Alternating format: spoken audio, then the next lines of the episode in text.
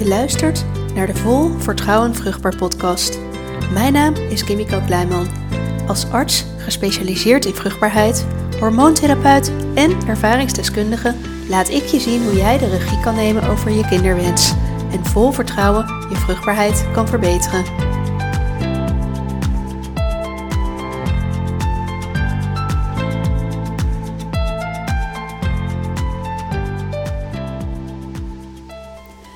Twee jaar na de geboorte van onze zoon besloten mijn man en ik dat we toch ook graag een tweede kindje wilden.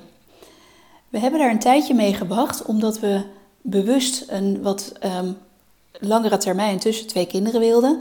En wij dachten eigenlijk dat ik wel weer heel snel zwanger zou worden. Dat was tenslotte in het verleden ook al drie keer gelukt.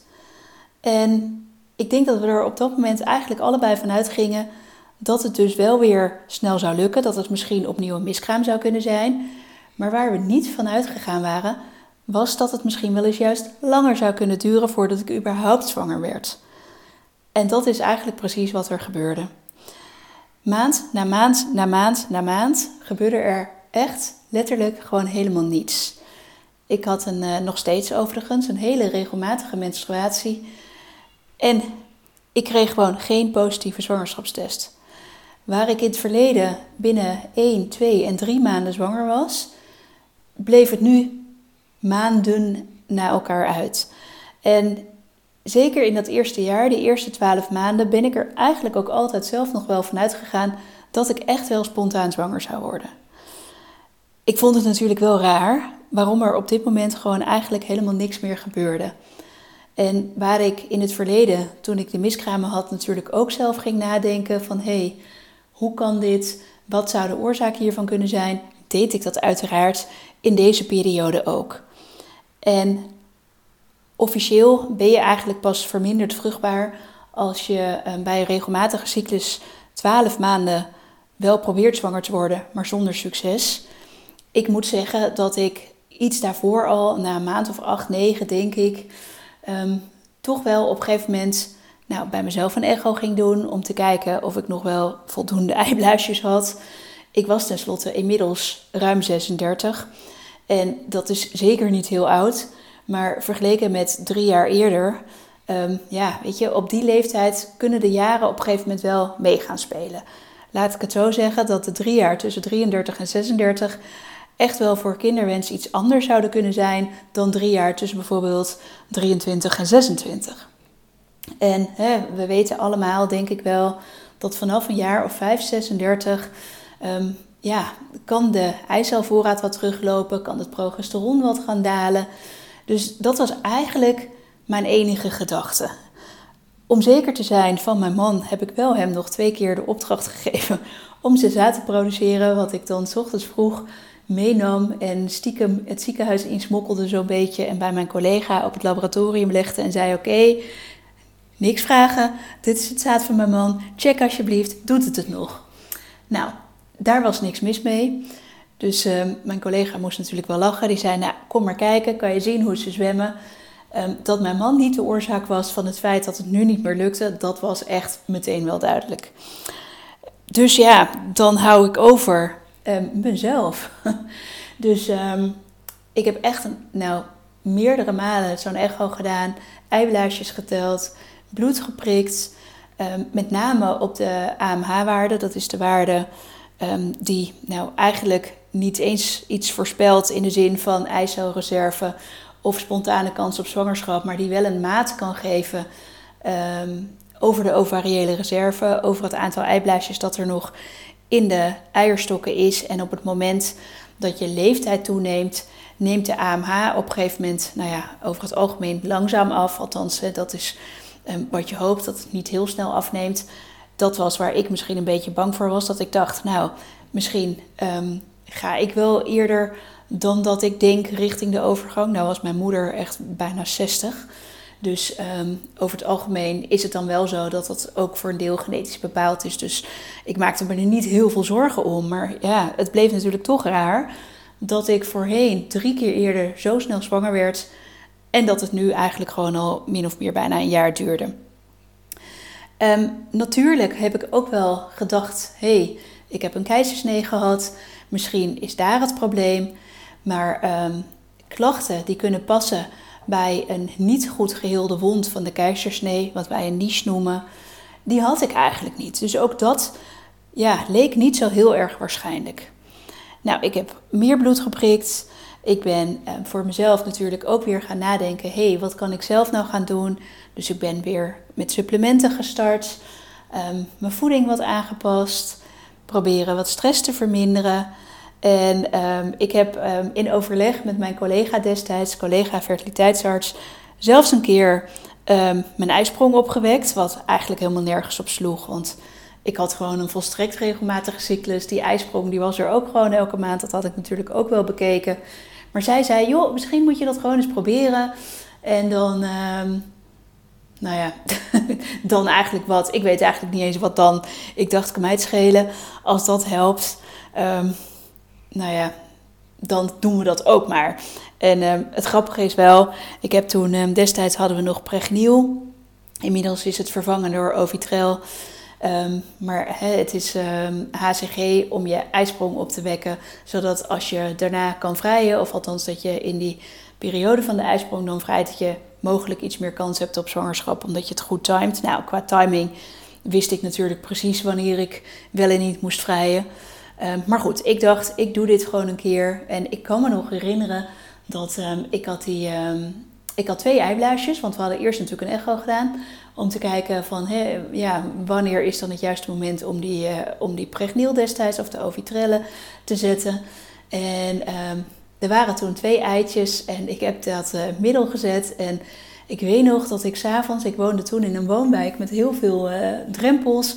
Ik reed door de straat en ik dacht echt, mijn hemel. Echt joh, mijn buik was echt nou, alsof er tien eieren in zaten.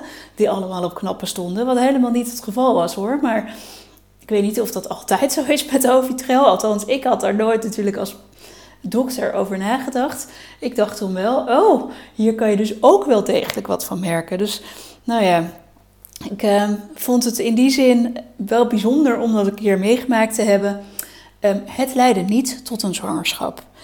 En nou ja, wij probeerden natuurlijk elke keer op het juiste moment te vrijen. Nou, heel eerlijk, na een jaar waren we dat eigenlijk ook wel een beetje zat.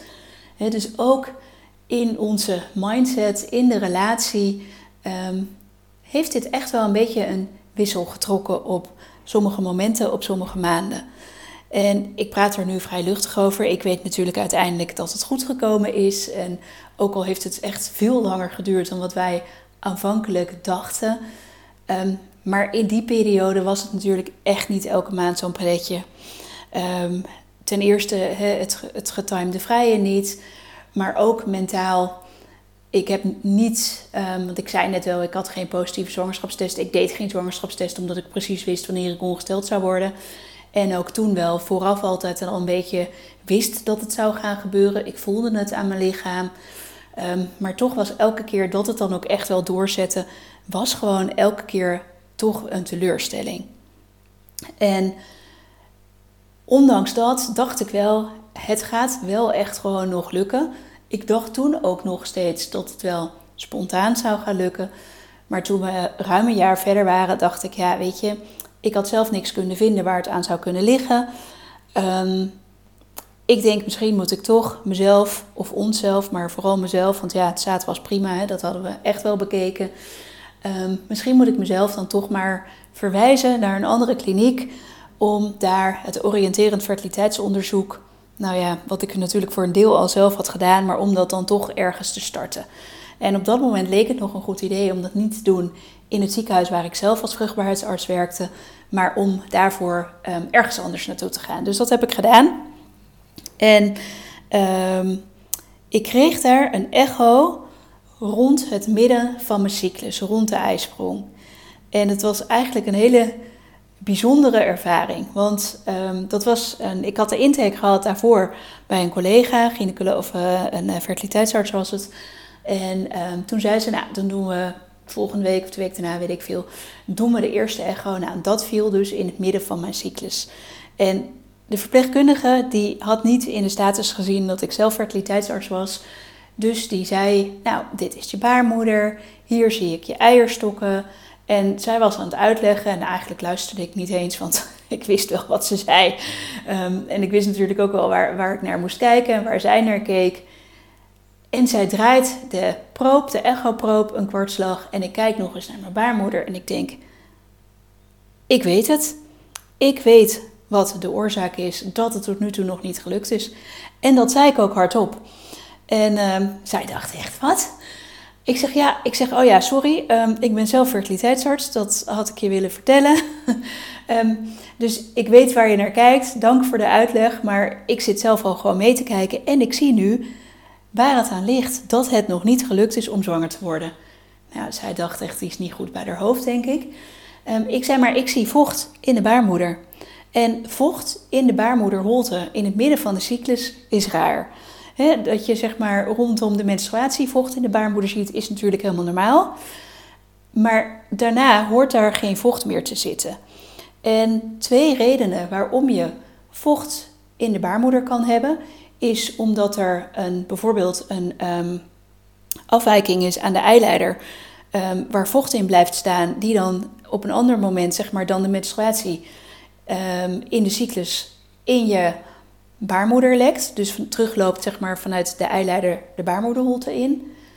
Ofwel omdat er een keizersnee is geweest, wat in mijn geval zo was. En als dan de wond van de keizersnede in de baarmoeder zelf, dus niet de, wand, de wond in de buikwand of in de, uh, in, de, in, de, in, de, in de buik, maar in de baarmoeder zelf, dus echt in de spierlaag van de baarmoeder, als dat niet goed gehecht is, dan kan dat een soort van opening geven aan de binnenzijde van die um, spierwand. En er is er dus een verbinding tussen die wond en de binnenholte, of de baarmoederholte, zullen we maar zeggen, de binnenkant van de baarmoeder. Ik hoop dat het een beetje duidelijk verhaal is. Um, en dan kan dat vocht ook op andere momenten in de cyclus dan tijdens de menstruatie in de, in de baarmoederholte lekken. Dat noemen wij een niche. En dat gebeurt nog wel eens na een keizersnede. Ehm, maar meestal hebben vrouwen daar klachten van dat mensen na de menstruatie nog steeds wat bloedverlies houden. Omdat tijdens de menstruatie het vocht wat tijdens de menstruatie in principe via de vagina een uitweg zoekt naar buiten toe, dat kan ook een beetje in die holte um, van dat litteken gaan staan. En dat kan dan op een later moment dan de menstruatie in de baarmoederholte teruglekken. En daardoor, ofwel omdat er dan vocht in de baarmoeder zit, de innesteling zeg maar tegengaan, ofwel omdat um, dat vocht in die niche zorgt voor een ander milieu. dat kan eigenlijk um, nou, niet per se meteen een ontstekingsbeeld geven, maar het geeft wel een ander, ja, hoe moet ik het zeggen, een andere samenstelling van bacteriën mogelijk. En we weten nog niet helemaal zeker hoe het zit destijds toen ik um, eigenlijk dus meteen dacht, nou, die niche moet mijn probleem zijn. Um, dat het niet lukt om zwanger te worden, wisten we eigenlijk helemaal nog niet of een niche überhaupt wel invloed had op de vruchtbaarheid. En um, wat ik toen gedaan heb, is dat ik um, de dag nadat die echo gedaan werd, ben ik naar de gynaecoloog gegaan met wie ik samenwerkte. En ik zei: Jij gaat bij mij in mijn baarmoeder kijken met een camera. En hij dacht echt, wat? um, ik zeg, nou, ik, zeg, ik denk namelijk dat ik een niche heb en dat dat de reden is dat ik niet zwanger word. Ik was heel open voorheen over mijn miskramen, nu ook over het feit dat ik een, inmiddels echt wel een, nou ja, langer dan een jaar, dus langdurige um, kinderwens had. En um, ik was daar open over naar mijn collega's, dus hij wist dat al. Overigens ook naar patiënten, wat wel ja, heel bijzonder was. Want nou ja, dan kwamen patiënten de spreekkamer in hè, om zelf zeg maar, een kindje te krijgen, zelf voor hun vruchtbaarheidstraject. En dan vroeg ik hoe ging het? En dan zeiden ze, nou, het gaat goed of het gaat niet goed. En ben jij al zwanger? Dus het was eigenlijk gewoon best wel een soort van ja, bijzondere situatie. En ik moet zeggen, het heeft uiteindelijk dan um, bij mij drie jaar geduurd voordat ik um, zwanger werd in die drie jaar werden het merendeel van mijn patiënten natuurlijk wel gewoon zwanger. Want nou ja, gelukkig duurt het niet bij iedereen zeg maar lang. Natuurlijk zijn er ook mensen bij wie het veel langer nog duurt dan drie jaar. Maar het was wel bijzonder dat ja, al mijn patiënten werden zwanger en ik zat eigenlijk gewoon nog steeds een beetje op dat wachtbankje. Nou, ik ehm, vroeg dat uh, aan mijn collega van, nou, wil jij bij mij ehm, in de baarmoeder kijken? Ik denk dat ik een niche heb. Wij noemen dat een, uh, een hysteroscopie en dat kan um, polyklinisch. Dus de eerstvolgende dag dat hij gepland stond voor de hysteroscopieën, had ik mijn spreekuur de laatste patiënt geblokkeerd en een setje gereserveerd bij hem. Een hysteroscopie set, want je kan nou ja, dat moet klaar liggen en je kan niet oneindig aantal vrouwen zien voor dezelfde ingreep, dan heb je wel de instrumenten nodig. Dus ik had dat op die manier geregeld. En nadat ik mijn poli had afgerond, liep ik naar hem, een deur verderop en ik ging liggen en ik zei: Oké, kijk in die baarmoeder. Nou, en het was echt best wel heel erg duidelijk. Soms is een niche eigenlijk maar een heel smalle opening. Maar soms is het, nou ja, een groot gapend gat klinkt wat overdreven. Dat is het niet, hè? want er zit natuurlijk die, die baarmoeder was echt wel weer aan elkaar gehecht. Alleen aan de binnenkant was het bij mij gewoon echt niet oké. En ehm, soms, als het een minimale kleine niche is, dan kan je dat tijdens um, dat kijken in de baarmoeder, tijdens zo'n tijdens zo'n um, hysteroscopie, kan je dat een beetje afvlakken met het idee dat er dan geen vocht meer in, ja, het, het, in, in, in die wond kan blijven staan, zeg maar. Nou, dus ik was nog, voordat ik deze ingreep liet doen, liet doen um, eigenlijk nog wel een beetje optimistisch. Dat ik dacht, nou, misschien kan die hier wel wat mee. Maar het werd eigenlijk meteen al duidelijk. Wij keken allebei natuurlijk naar de camera en, of naar, naar het tv-scherm, zullen we maar zeggen. En hij zei, ja, Kimiko, ik kan hier echt niets aan manipuleren. Want dan ga ik door het stukje baarmoederwand wat er nog is en dan zit ik in je blaas. Nou, dat is uiteraard niet een heel briljant idee. Zeker niet uh, echt uh, bij een collega, zeg maar, even na het spreekuur. Dus uh, hij is toen gestopt. En ehm, ik heb me laten verwijzen naar, ehm, naar de VU in Amsterdam, waar ze een eh, laparoscopische niche-resectie hebben gedaan. En wat er dan gebeurt is dat ze een kijkoperatie doen waarbij ze het oude litteken uit de baarmoeder halen en vervolgens um, die baarmoederwand opnieuw hechten. Zodat dus die niche met dat oude litteken mee eruit is. En die operatie hebben ze gedaan. Um, dan mag je daarna zes maanden niet zwanger worden. En nou ja, iedereen, of althans, de meeste mensen. Er zijn natuurlijk ook mensen die een niche-resectie doen op basis van klachten. Ik had die klachten dus niet. Hè, dus ik had gewoon echt oprecht niets. In, nou ja, wat zal het zijn geweest, die anderhalf jaar voordat we dus die hysteroscopie deden.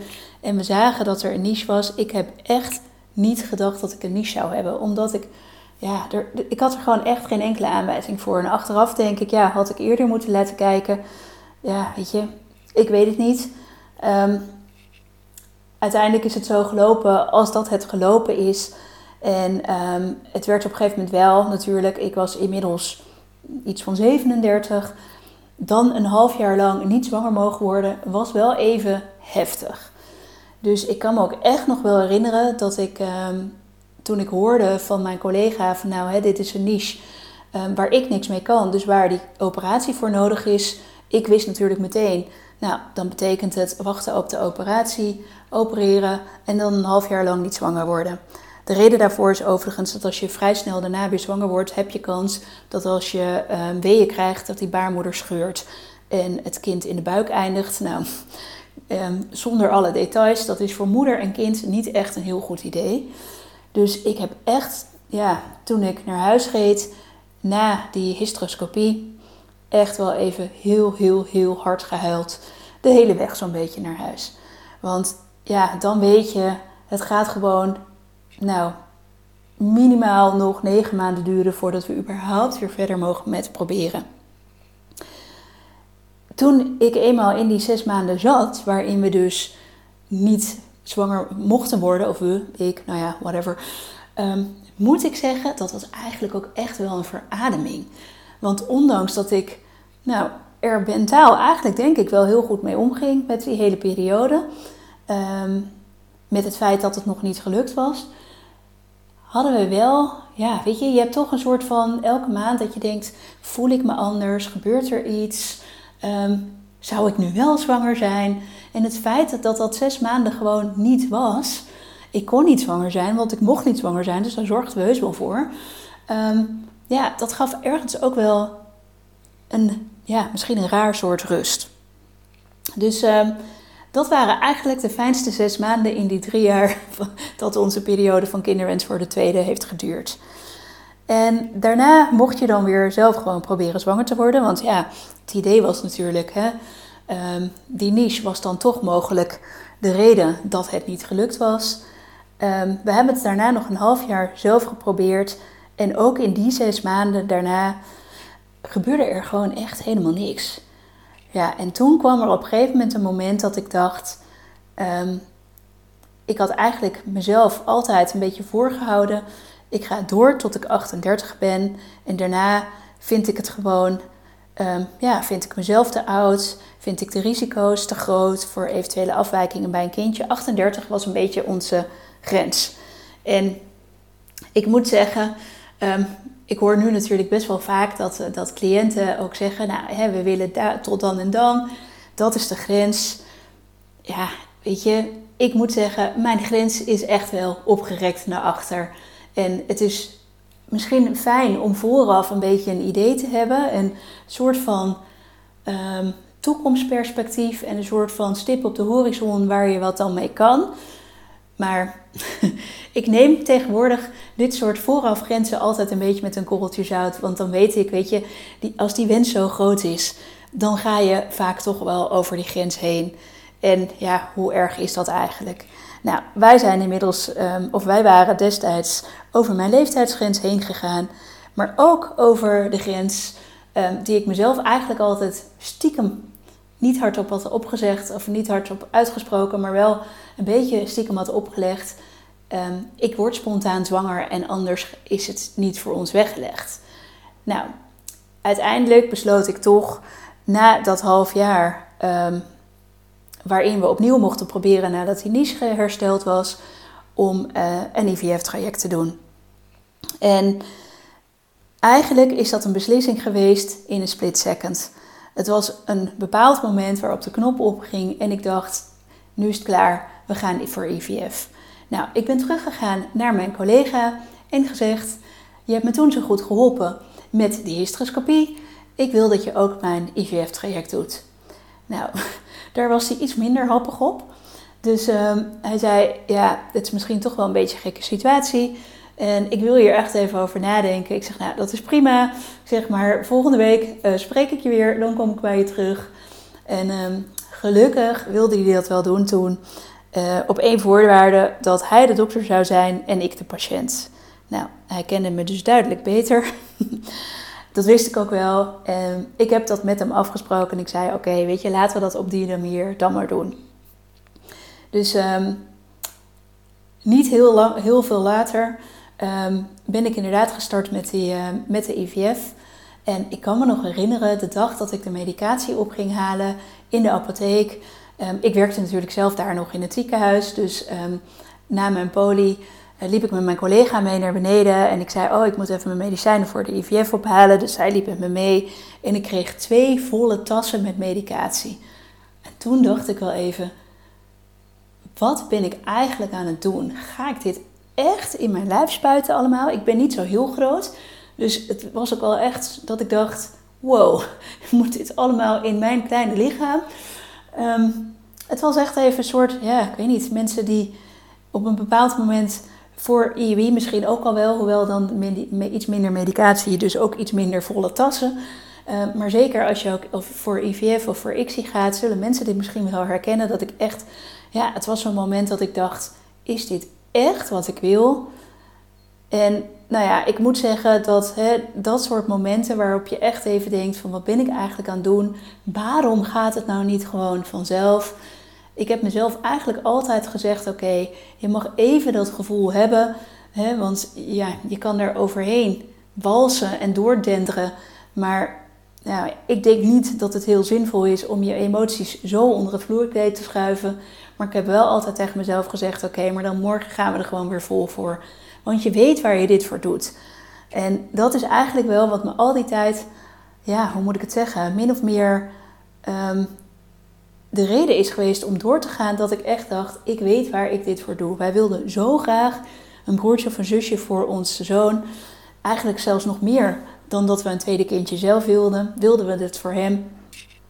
Dus voor ons was dat wel dat ik dacht: oké, nou weet je, ik doe toch maar weer um, verstand uit en ehm, op mijn rationele um, ja, deel, op mijn rationele brein, waar ik ook toen nog best wel goed in was, ging ik gewoon door. Nou, ik moet zeggen, die IVF, ik kan me nog herinneren dat ik, had, ik zat in een lang uh, agonistenprotocol. Dus voor de mensen die zelf IVF of ICSI gedaan hebben of doen, die herkennen het misschien. Dan start je met de onderdrukkers nog voor de menstruatie. En dat zijn niet de allerfijnste prikken. Zowel qua prik niet, maar ook qua bijwerkingen kunnen dat best wel heftige prikken zijn. En op de dag dat ik ging menstrueren, dus dan krijg je eigenlijk en je menstruatie terwijl je al aan die hormoononderdrukkers zit nou, dat was de dag dat wij uh, een klassenborrel hadden voor groep 1 van onze zoon. En ik was klassenmoeder daar, dus ik vond eigenlijk dat ik daar naartoe moest. Nou, ik dacht dat ik gek werd. We stonden daar in die, uh, in die kroeg en het was zo ongelooflijk warm dat ik echt dacht, nou, ik heb opvliegers. Het leek alsof er iemand met messen in mijn hoofd stond te rammen. Dus um, ik heb na een uur tegen die andere klassenmoeder gezegd... Ik zeg, nou, ik geloof niet dat dit de beste combinatie is om hier nu te blijven staan. Ook daar wist eigenlijk iedereen dat ik met IVF bezig was. Ik ben gewoon niet zo heel erg goed in dit soort dingen. Um, als het van over mezelf gaat, voor mezelf houden... En ik vond het ook niet, ja, weet je, voor mij was het prima dat mensen het wisten. Nou ja, net wat ik zei, patiënten in het ziekenhuis wisten het ook. En ja, misschien een beetje in het kader uh, um, gedeelde smarts, half smart. Dat ging hier natuurlijk bij de klassenborrel niet op, maar ik kan me dat nog herinneren dat ik dacht, jeetje, dat was eigenlijk ja, de enige echt heftige dag voor mij althans in die, uh, in die, in die drie weken, zeg maar. Wat ik deed en wat ik heel fijn vond en wat het ook wel heel mooi maakte, was dat ik um, elke avond op hetzelfde moment, dat wordt ook geadviseerd om elke avond op hetzelfde moment die hormonen te prikken. Ik had een speciaal hoekje in de badkamer waar ik dat deed. Ik zette een mooi muziekje op. We hadden een hele fijne mooie badkamer destijds. En um, ik schreef iets voor het kindje um, waarvan ik ja, hoopte natuurlijk dat ze zou komen. Dus um, ik had een mooi muziekje, ik deed een korte meditatie, ik schreef dan iets, ik deed die injectie en ik probeerde gewoon echt ja, heel veel liefde in die prikken te leggen. En ik adviseer dat nu ook wel eens aan klanten. Dat ik zeg, weet je, op het moment dat je ja, met een soort van tegenzin die injectie zet, voelt het gewoon zoveel naarder. Althans, dat was mijn ervaring. Dan dat je denkt, oké, weet je, ik doe dit voor een bepaald doel. En die positieve vibe van de hoop en nou ja, het uiteindelijke resultaat waar je natuurlijk zo naar verlangt, geef ik mee aan die injecties. En misschien klinkt het heel raar, um, maar voor mij werkte het heel erg goed. En uh, ik heb dat boekje nog waarin ik um, voor haar destijds dan wat schreef. Ja, het is gewoon heel bijzonder om zo met je toekomstige kindje al bezig te kunnen zijn. En het is ook heel bijzonder om dat boekje nu weer te lezen. Dan denk ik, jeetje, het was echt wel een hele mooie periode. Uh, ondanks dat het natuurlijk ook soms echt heel zwaar was. En um, ik vond het zelf zo leuk om te doen en, en zo mooi die avonden. En het waren gewoon echt ja, die rituelen.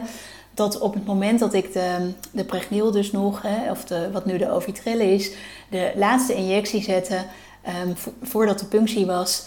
En daarna was ik klaar met mijn ritueel, met mijn injecties avonds. Ik vond het eigenlijk gewoon best een beetje jammer. Dus ja, zo, zo kan dus een IVF-traject ook zijn. En dat zal echt niet voor iedereen zijn. En dat weet ik natuurlijk als uh, fertiliteitsarts zeker. Um, dat dat niet voor iedereen zo werkt. Maar ik moet zeggen, ja, het, het gaf mij een fijn gevoel om zo um, met onze droom, met onze grote wens bezig te kunnen zijn.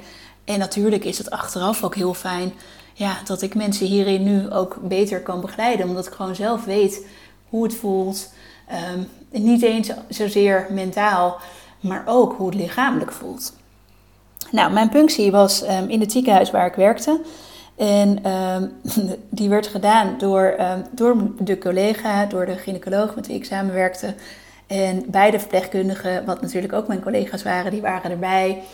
En toen mijn man ehm, met zijn zaad richting VU moest, waar we toen, uh, we deden toen transport IVF. Dus vanuit het ziekenhuis waar de punctie was, ging dan mijn man met het zaad naar de VU in Amsterdam, waar dan het IVF-laboratorium was, of is nog steeds, maar waar dan de IVF plaats zou vinden.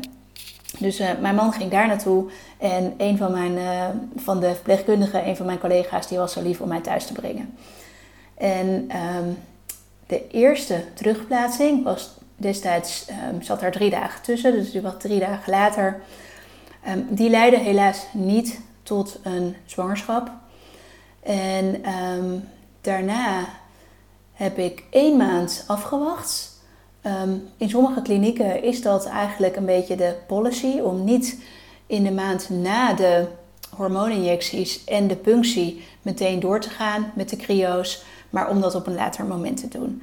Overigens was mijn opbrengst van de IVF eigenlijk hartstikke goed. Ik weet niet eens meer precies hoeveel eitjes er waren, maar wij hadden, moet ik even goed nadenken, zes embryo's in totaal.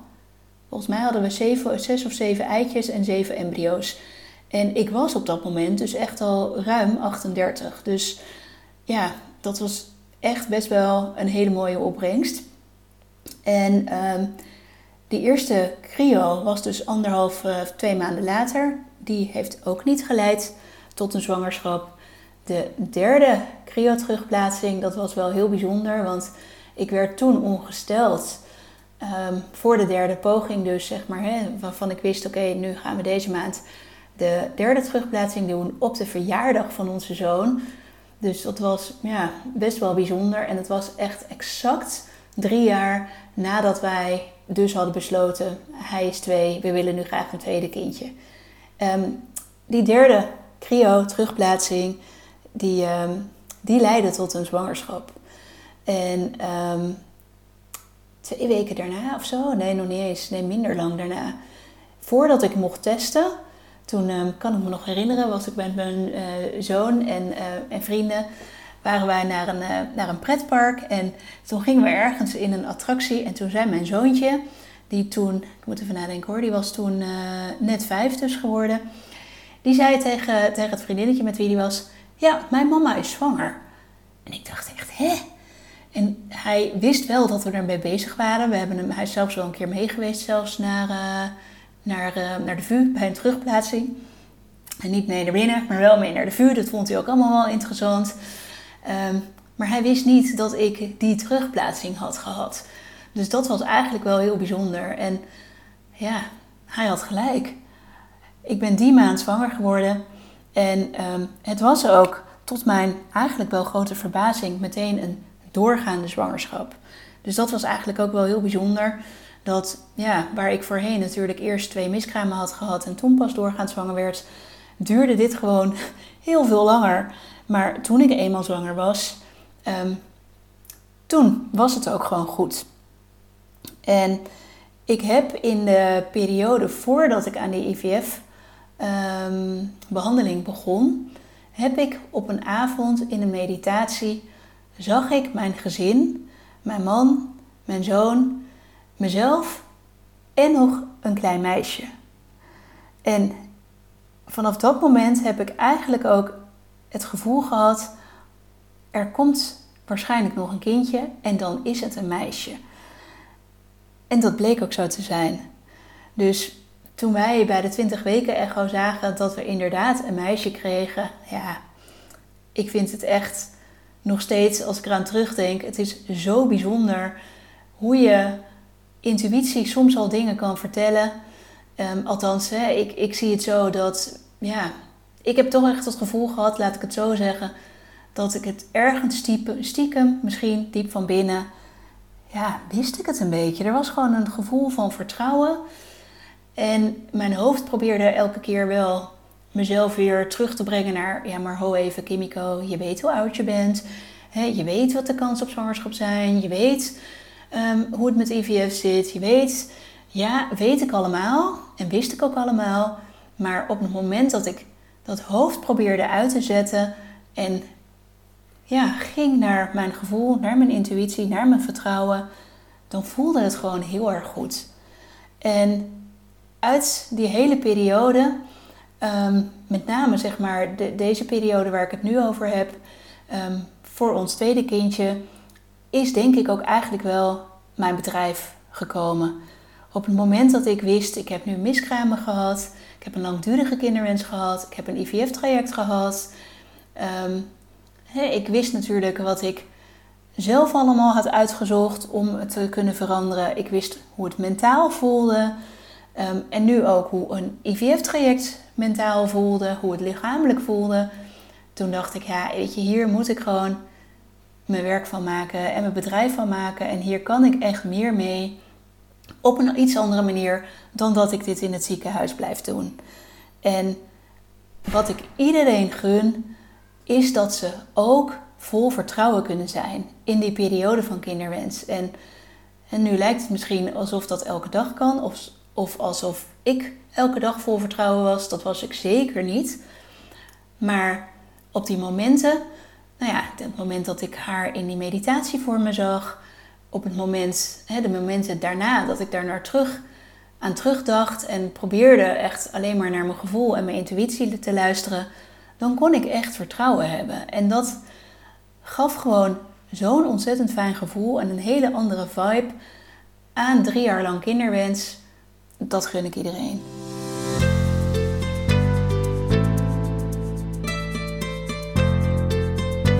Leuk dat je luisterde naar de Vol Vertrouwen Vruchtbaar podcast. Ik hoop dat ik je heb mogen inspireren om op een andere manier naar jouw vruchtbaarheid te kunnen kijken zodat je kan ontdekken wat jij kan doen om jouw grootste droom werkelijkheid te laten worden. Wil jij geen aflevering meer missen van deze podcast? Abonneer je dan in de podcast-app waar je nu deze podcast luistert. Je kan daar ook meteen een review achterlaten om mij te laten weten wat je van de podcast vond. Wil je jouw specifieke situatie omtrent je kinderwens graag samen met mij bespreken? Plan dan geheel vrijblijvend een gratis consult in via mijn website www.sakuraclinics.nl. Bedankt voor het luisteren en tot de volgende keer.